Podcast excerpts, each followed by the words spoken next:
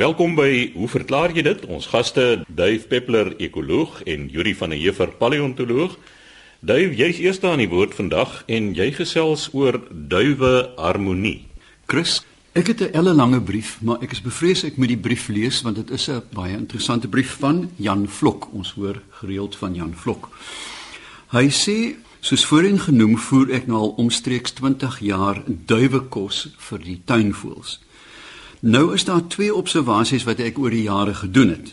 Hy noem dit die rasio, die verhouding van kraansduwe, ringnekduwe tot tortelduwe het dramaties verander in my buurt oor die afgelope 3 jaar. Tans is kraansduwe baie minder.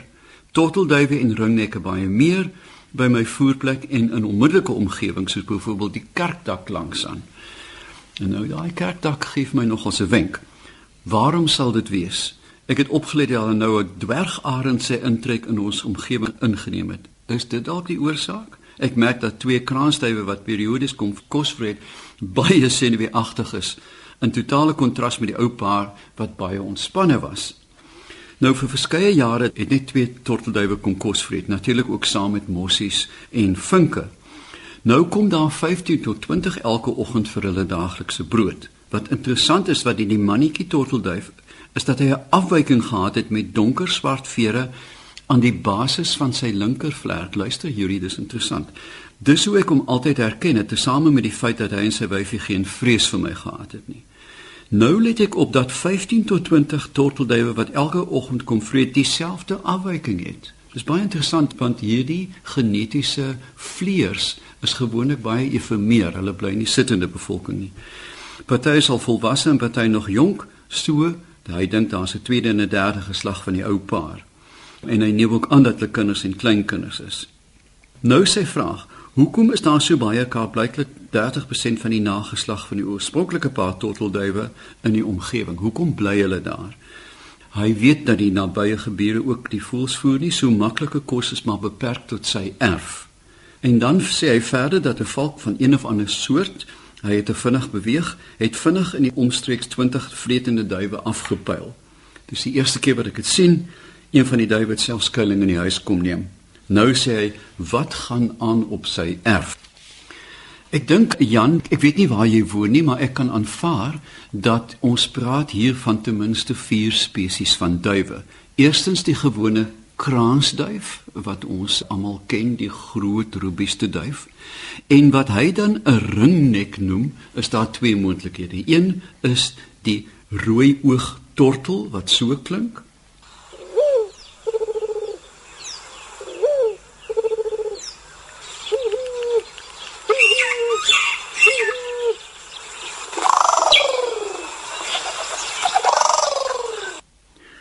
Dan is daar natuurlik die wat bekend gestaan het altyd is die Kaapse tortelduif en met die naam gewone tortelduif wat so klink.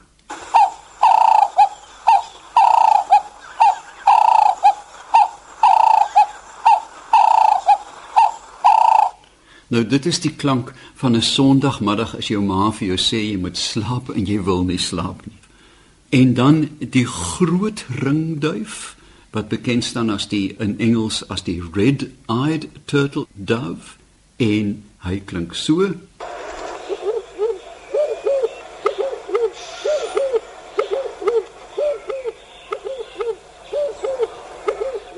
Nou ja, hier is die vier kandidate. Maar kom ons kyk nou die uh, duif familie in breë trekke. Hulle is almal familie van die in die groot familie Columbidae met 310 spesies wêreldwyd. Dis nogals baie. Hulle het almal kompakte liggame, kort nekke, kort bene en slanke snavels met baie goeie rede uiteraard. Hulle is treurige nesbouers. Duwe bou van die morsigste nesse op aarde, 3 of 4 stokkies, en die hemel weet hoe die eier daarin bly. As jy kyk na die uh, Namakwa duifie, kan hulle eier broei op 2 stokkies. Ek weet nie hoe die eier in die nes bly nie.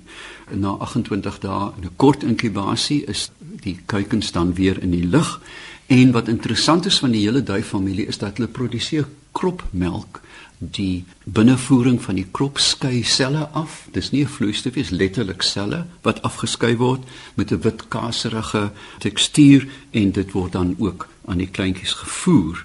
Hulle varieer in grootte van 'n duif in Nieu-Guinea so groot soos 'n kalkoen tot 4 kg. Dis 'n reusagtige ding tot 22 gram die kleinste duifie op aarde en dis 'n klein grondduifie uit Mexiko. Van die interessante gedragspatrone van hierdie voëls is dat as 'n duif rondloop, dobber die kop head nodding soos die Engelse dit noem. En die enigste verklaring daarvoor is uiteraard dat hulle die heeltyd rondkyk om te sien wie gaan hulle volgende probeer opvreet want 'n duif is 'n heerlike stuk kos vir enige roofvoël. Hulle het 'n baie lae vlerklading en ons moet eendag praat oor vlerkladings in voëls in vergelyking met 'n valk byvoorbeeld soos die swerfvalk en die edelvalk wat hoë vlerklading het. Hulle kan baie vinnig vlieg en met baie vinnig klap om in die lug te bly. Die vlerke is breed en geïmargineerd, met ander woorde die punte het interessante vere daarop wat hulle baie ratse vleiers maak. Hulle kan vinnig opstyg, met 'n lae vlerklading kan jy in die lug opspring letterlik. Maar wat interessant is, selfs in gelyke vlug vlieg hulle weg vir enige valk. Daar is geen valk wat hulle kan vang in gelyke vlug nie. Ek het dit al hoeveel keer gesien. Die valk het die voordeel van duik as hy hulle vang. Daar is twee soorte duwe. Die wat saad vreet, wat vaal is, dink 'n bietjie daaraan, en die vrugtevreters wat almal kleurvol is. As ons dink aan ons eie papegaai duif, is 'n briljante groen, dit is soos 'n stuk neon in die lug. En al die saadvreters op die grond is vaal. Hulle is duifgrys uiteraard. Ek vermoed dit is 'n aanpassing, 'n darwinistiese aanpassing. As jy in die lower vrugte eet, moet jy groen wees en as jy op die grond sit, moet jy vaal wees, want anders dan gaan iemand jou opvreet. Wat nog meer interessant is dat duwe op alle kontinente van die aarde behalwe die hoë arktiese gebiede voorkom. Hulle is uiters suksesvol en kom letterlik reg oor die aarde voor.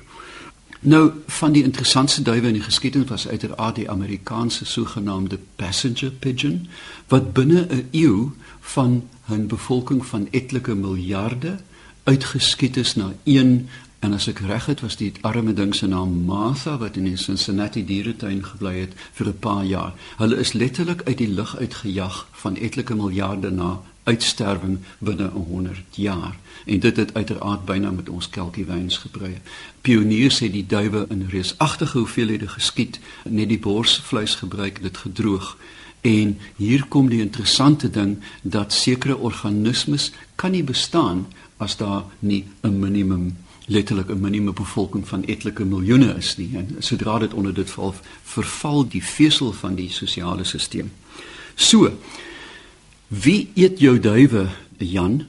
Ek vermoed dit is nie 'n dwergarend nie. Dwergarende is trekvoëls wat elke jaar intra-Afrika trekvoëls is en hulle trek na die trope toe, sommige van hulle na Spanje, maar wel die booswigte wat ek dink in jou tuin voorkom is heel moontlik die swerfvalk, ek twyfel want hy jag gewoonlik in oop gebiede en die swerfvalk klink so.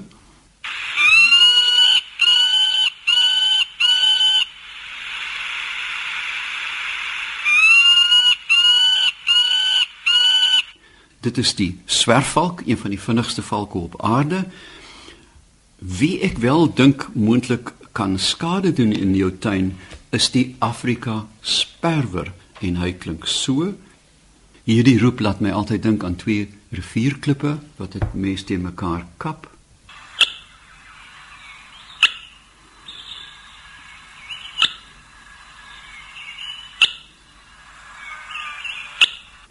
Maar die ergste, die allerergste voël wat jy in jou tuin kan hê, is uiteraard die swart sperwer. Hierdie is 'n moordenaar soos min en jy kan hom eintlik nie miskyk nie of misluister nie. Dit is 'n baie geheimsinnige gevoel, maar hy klink so.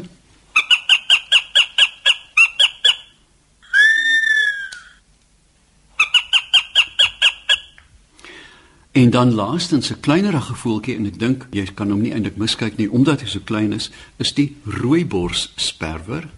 Nou, hoekom het die kraansduwe verdwyn? En jy het hulle gereeld op die kerk gesien. Dis presies waar hulle sou nes maak in die dorp, teen die kerk onder die geete en daar's baie nisse aan 'n kerk. En ek vermoed eintlik dat die kaalwangvalk het ingetrek, dis 'n groot valk en hulle hang aan die geete met die een poot en haal met die ander poot kuikens uit. Ek het vermoed as daar 'n kerk is met neste, moet jy begin soek na die kalwangvalk. Hy klink so.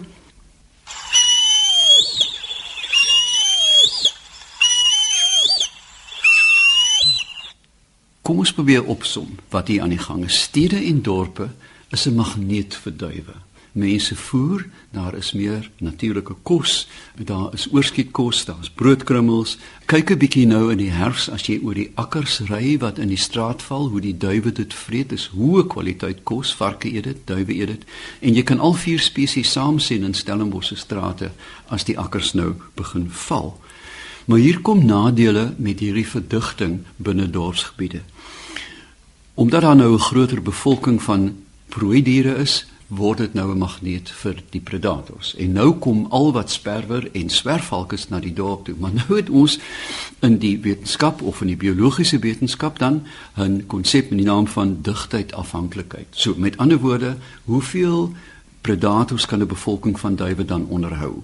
En die oomblik as hulle nou begin wegvreet, dan moet hulle trek want daar is nou nie genoeg kos nie. So die hele dinamiek van die bevolking tussen predator en prooi is baie dinamies en wisselgedurig. Ons weet dit van die klassieke studies van lemmings in die noordelike halfrond. Ons weet dit van rooi katte, jakkalse, leeu's dat as uh, die prooi opgevreet word, moet hulle of trek of vrek, een van die twee. Maar nou is daar nog 'n addisionele probleem. Duwe tradisioneel is die draers van 'n baie nare siekte wat hulle in hulle krop het. Hulle die Engelse noem dit frowns en die organisme is Trichomonas gallinae. Nou my heel eerste publikasie, wetenskaplike publikasie het juis hieroor gegaan in toentertyd dat daar was 'n uitbraak van Trichomonas gallinae in valke wat ons in Stellenbosch begin opspoor het. En dit is 'n verdikking van die keel in so 'n mate dat hulle later vrek. En ek het toe geskryf ek vermoed hulle kry dit van die duwe in die dorp en gelukkig is die werk nou al redelik gereeld aangehaal is een van die pionierstudies in die dinamika tussen siektes wat duwe dra en roofvoëls. So Jan in jou tuin het daar 'n paar dinge gebeur. Jou tuin is moontlik versadig van die aantal duwe wat die tuin kan akkommodeer as voerplek. Daar is 'n hele aantal roofvoëls wat impak kan maak op hierdie bevolking. Ek vermoed as dit by kraasduwe kom, is dit die kalwangvalk wat begin het om die kuikens op te vreet en so die bevolking afgedruk het. Maar ergens in die boskasies, ergens in die ruigte skuil daar een van daai vier booswigte en hulle is heimlike jagters. Jy sien hulle nie altyd kom nie. Die duwe sien hulle uiteraard ook nie kom nie. Hulle is uiters uiters vaardig om veral binne die kroondak weer eens hoër vlerklading wat hulle toelaat om baie skerp te draai binne die kroondak en jou duwe dan so heelhuids op te vreet. Hou die wêreld dop. Ek hoor baie graag as jy dalk 'n antwoord kan kry. Ek dink ons luisteraars sal dit ook interessant vind. Maar Ek dink voor jou oë speel af 'n wonderbaarlike natuurlike eksperiment waar digtheid afhanklikheid of met ander woorde die verhouding tussen prooi en predator letterlik voor jou oë afspeel. So sê Dave Peppler, ons ekoloog, Yuri, hoe pas dinosourus en ystydperke bymekaar? Chris, 'n brief van Reinhard Ferreira van Volksrust in Mpumalanga sê kort en kragtig ek wil weet hoe pas die ystydperke in by dinosourus tydperk en hoe lank het elk van hierdie tydperke geduur. Dit is natuurlik 'n baie tydige vraag want uh, ons is in 'n periode van aardverwarming en allerlei goed word voorspel en ystye natuurlik het 'n groot rol in die hele aanloop hier gespeel.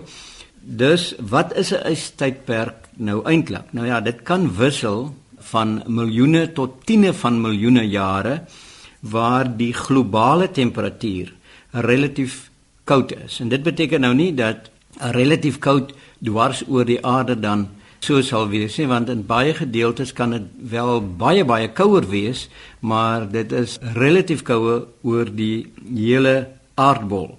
Wat ons dan sien is dat groot dele van die aarde is dan bedek met ysplate op land en natuurlik gletsers, enorme stukke ys wat op die land lê en kan tot verskeie kilometer dik wees. Wat 'n mens kry binne 'n ystyd is natuurlik dat dit kan wissel. Daar kan korter tye wees waar dinge bietjie warmer word binne een oorhoofse tydperk en dan praat 'n mens hier van 'n interglasiale tydperk. So Wanneer dit dan effens warmer word, dan kry jy dat die yskappe na die noorde en na die suide toe weer wegtrek en daar sekere gebiede op land wat nou 'n bietjie meer gematigd is en um, as die ystydperk dan weer toeslaan soos ons later sal sien dan kan daar weer groter ysbedekking van die land ontstaan. Nou as ons globaal daarna kyk, histories daarna kyk, dan is daar omtrent 5 groot ystydperke gewees sedert die ontstaan van lewe. Ek gaan haal hom nou 'n bietjie ver terug hier. Die vroegste ystydperk waar die mense van weet is omtrent 2 biljoen, dis 1000 miljoen, 2 biljoen jaar gelede. Die jongste ystydperk het omtrent so 3 miljoen jaar gelede gebeur en is vandag nog aan die gang. Ons lewe nou in een van daai interglasiale tydperke waar dit effens warmer is, maar dit duur steeds voort en hierdie effense verwarming wat ons nou ervaar het omtrent 11000 jaar gelede begin. Die piek was omtrent so 20000 jaar gelede. As ons nou kyk na ons eie omgewing hier 20000 jaar gelede kon 'n mens van Blouberg af stap na Robben Eiland toe omdat wanneer daar dan so geweldige piek is in die ystyd en daar's baie ys by die pole water is nou vasgemaak in die ys dan sak die seevlak en dan raak dit droër en dit het een van hierdie goed het nou te doen gehad omtrent so 12000 jaar gelede ook met die verspreiding van mense oor die aarde. So dit is natuurverskynsels op 'n groot skaal wat die aarde vorm en ons ook vorm in ons doene en late. Julie, as ek jou net vinnig daar kan onderbreek. Ek het die voorreg gehad om 'n toer deur Sri Lanka te onderneem in 'n stadium.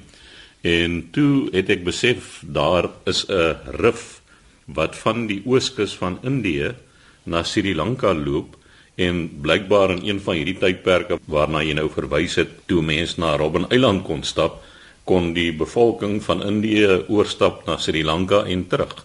Ja, dit is natuurlik dinge wat te doen het nie net met die verspreiding van mense nie, maar ook met die verspreiding van diere.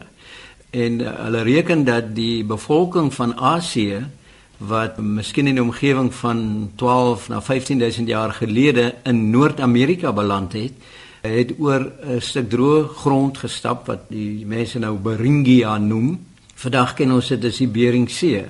En hulle het waarskynlik in daai rigting gegaan omdat hulle prooi diere gevolg het in jagtogte en so Amerika beset het van die noorde van Alaska af af deur Amerika tot onder in Suid-Amerika en daar het jy hulle afstammelinge die Inkas en die Mayas en die mense. So daar is so 'n verspreiding met verskillende datums, maar dit het te doen met hierdie groot bewegings van die natuur. Met die piek van die laaste ystyd so 20000 jaar gelede het die globale temperatuur van die aarde met min of meer so 5 grade Celsius gedaal, maar daar was blykbaar plekke waar dit tot met 22 grade Celsius gedaal het. So ons sit nou eintlik in die middel van die jongste groot ystyd. En hoe weet ons dit? Wel beide pole is bedek met yskappe. Kanada, Noord-Kanada is totaal verys. Noord-Europa het baie ys, Noord-Rusland het baie ys op. En as ons die ding nou 'n bietjie nader aan ons bring die afgelope 450 000 jaar Nou, dan moet mense dink, dis amper 'n half miljoen jaar gelede toe hier oormense by Stellenbosch gelewe, die sogenaamde Stellenbosch kultuur. Waarskynlik was dit Homo erectus of 'n Homo erectus tipe voorsaat van ons. En in die afgelope half miljoen jaar was daar 5 interglasiale tydperke gewees. Binne die afgelope 12000 jaar was daar ook variasies wat ingetree het. Ons weet die Romeinse tyd was redelik warm geweest. Ons het wat hulle noem 'n klein ystyd gehad so tussen 1400 en 1850. Dit was nou nie 'n werklike gerekende ystyd nie, maar dit was 'n afkoeling geweest. En jou vraag dan Franso is jy wil weet hoe lank hierdie tydperke geduur het? Jy wil seker weet wat hulle veroorsaak het. Nou die oorsake van hierdie skommelings in die natuur is onder andere die verandering in die oseaniese en atmosferiese sirkulasiepatrone. So wanneer kontinente verbrokkel, as Antarktika nou begin wegdryf van Gondwana, die suidelike kontinent, dan ontstaan daar skielik paaie wat seestrome reg rondom Antarktika kan vloei en dit beïnvloed die weerpatrone. Noord- en Suid-Amerika was oorspronklik nie verbind aan mekaar nie, maar toe die twee dele te mekaar gekom het, toe is die Atlantiese van die Stille Oseaan geskei en dit het seestrome totaal beïnvloed en dit laat toe dat daar veranderings kan plaasvind. Nog 'n punt is wisselende konsentrasies van koolsuurgas in die atmosfeer wat 'n groot invloed het en ons is nou juis daaroor bekommerd dat ons uh, soveel koolsuurgas nou in die atmosfeer inpomp dat die klimaat warmer gaan word. Dan is daar vulkaniese uitbarsings wat hulle eie bydrae lewer met lava en magma en koolsuurgas en dan laastens is daar 'n uh, eh, stel faktore wat bekend staan as die Milankovitch siklusse. Nou hierdie kerel Milutin Milankovitch het van 1879 tot 1950 gelewe. Hy was 'n Servier en hy was blykbaar 'n baie slim man want hy was 'n sterrekundige, hy was 'n klimatoloog, hy was 'n ingenieur gewees, allerhande goed gedoen en hy het drie voorstelle gemaak. Hy sê as gevolg van sy berekeninge wat hy gedoen het, het hy agtergekom dat die wentelbaan van die aarde as mense dit nou in 'n plat vlak kyk is nie 'n sirkel nie maar dis eksentries dis so 'n ovaalvormige beweging so dit wissel. En dit kan van tyd tot tyd kan hierdie wentelbaan van die aarde verander. Dit het 'n invloed op die klimaat. En dan as 'n mens na die noord-suidas van die aarde kyk dan lê dit teen 'n hoek skuins en uh, daai hoek kan wissel oor tyd. En dit het 'n invloed En dan is 'n uh, ander opmerking gemaak en ek het toe deur middel van ou Slotegraaf uitgevind, hy het 'n astronomiese woordeboek, nie van astronomiese grootte nie, maar 'n sterrekundige woordeboek. En die woord kan ons in Afrikaans gebruik. Dit is presessie. Nou as 'n mens soos in die ou dae het ons mos nou baie tol gespeel en as jy nou jou tol opgewen het met die tou en jy gooi hom en jy verbeel jou dat in die middel van die tol loop daar 'n as wat bo kan die tol uitsteek. En die manier wat die tol begin draai as hy nou so begin wankel, sal jy sien dat die as dan sy eie omwenteling beskryf wat nie op een plek stil staan nie. As jy nou na die denkbeeldige as kyk en dit is presies wat met die aarde gebeur dat die as wentel ook terwyl die aarde draai wentel dit in 'n baan en dus as jy net plat vlak daarna kyk dan beweeg hy nou van links en regs maar hy beweeg eintlik in 'n sirkel en uh, Milankovitch gesê dit is die rede hoekom daar oor baie lang geologiese tydperke hierdie verskille in klimaat ontstaan en navorsers wat weer sy werk bestudeer het en wiskundig geanaliseer het stem met hom saam dat dit 'n invloed het. Maar hulle beweer dat die fynere punte en die meer gekompliseerde punte van hierdie soort veranderinge wat plaasvind word nie volledig deur Molankovich se idees verklaar nie en dat ons die ander faktore ook moet inwerk in hierdie idee van hoe klimaatsverandering plaasvind. Nou wat is die oorsake hiervan? Wel, die skuldige hier is gravitasie lyk vir my in die meeste gevalle. Die invloed van ander planete wat 'n effek het op die beweging van ons eie planeet, die maan en die son se invloed. Ons weet die maan beïnvloed ons getye, so daar is 'n invloed hierdie goed het oor baie baie lang periodes van geologiese tyd kan dit hierdie soort veranderings in die natuur plaasvind. Nou ek dink nie ons moet moed opgee en sê maar ons is nou uitgelewer aan die natuur en ons sit hier op 'n hoopie ons kan niks daaraan doen nie. En dit is hoekom daar samesprekings oor aardverwarming en die soort van goed aangaan. Nou die vraag wat 'n mens dan kan vra is maar waar kom hierdie stories vandaan? Hoe bestudeer mense al hierdie goed? Een van die beste maniere om veranderings in klimaat te bestudeer is om na die pole toe te gaan en te boor. Want daai yslaag is kilometers dik en ehm um, geoloë het bore wat hol is en dan boor jy af en as jy nou die boor weer uittrek, dan het jy binne in daai boorpyp het jy dan 'n boorkern.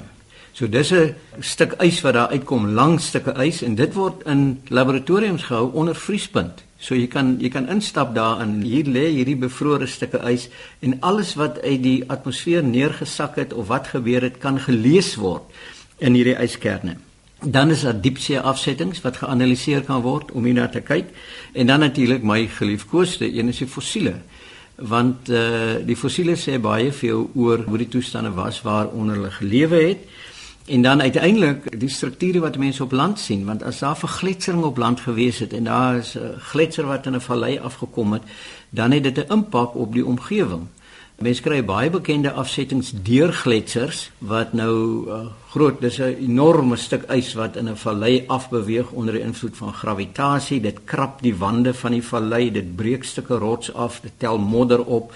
En wanneer die gletser dan aan die onderpunt kom van die vallei of afbreek en dan in die see smelt of die gletser smelt op land, dan word al daai inhoud, die gebreekte stukke rots, val dan alles uit sommer in so 'n uh, mens kan amper sê 'n romp slomp manier en wanneer dit versteen, dan kry jy hierdie spesifieke soort klip, teliet. Die fancy naam daarvoor is ook diamiktiet, maar teliet werk goed. En dit is tipies dan rots wat baie fyn matriks het met uh, baie fyn modder daarin, daar's sand in, daar's gebreekte klip in en dis nie georden nie. Soos as jy nou sediment deur water laat spoel, dan kry jy 'n pragtige groot orde van die sandkorrels. Hier is dit nie, dis so deurmekaar besigheid en ons het so 'n plek hier in Suid-Afrika. Daar's ander plekke ook, maar naby Maatjiesfontein kry ons 'n baie baie dik laag van hierdie teliet. Dit staan by ons bekend as die Dwyka teliet en Dit kom uit die karboonperiode uit toe die res van die wêreld baie gematig en warm gewees het. Afrika het onder baie nader aan die suidpool gelê en ons hele land was bedek met 'n laag kilometers en kilometers ys. En toe dit nou begin smelt het, het ons die Dwyka teliet gekry. So dis pragtig in die omgewing van Maatjiesfontein. Die ou mense het natuurlik glad nie geweet wat dit is nie. En as jy nou net so voor Maatjiesfontein ry en jy kyk na die koppies en sien jy hierdie puntig verweerde rotse daar staan, ons het al daaroor gepraat. En uh dit lyk soos grafstene.